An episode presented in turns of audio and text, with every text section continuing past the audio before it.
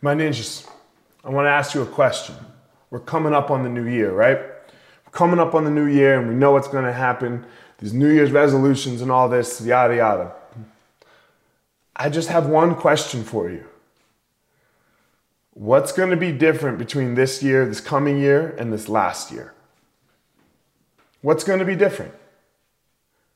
You have to be different, is the answer. If you want more, then you have to be different. You can want more all you want. You can want more and pray for more and uh, whatever else you do for more. But you need to be more. So what are you going to do? What are you what are you going to write down and say I'm going to commit to this? And then write the steps down of how it is you're going to get there. Don't just write a fucking sentence. How are you going to get there? What does that roadmap look like? It doesn't just happen out of thin air. It doesn't just all fall in your lap. And nor do you want it to actually. Nor do you want it to because then you'll also then waste it and blow it and all those other things. Take some time.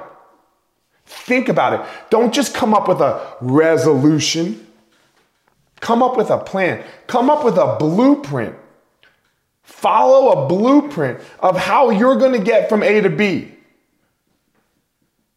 Break it down into small, digestible things that you can actually accomplish so that you get from where you are now to where you want to be. I don't care if you're successful or not. Good for you. You still have to go.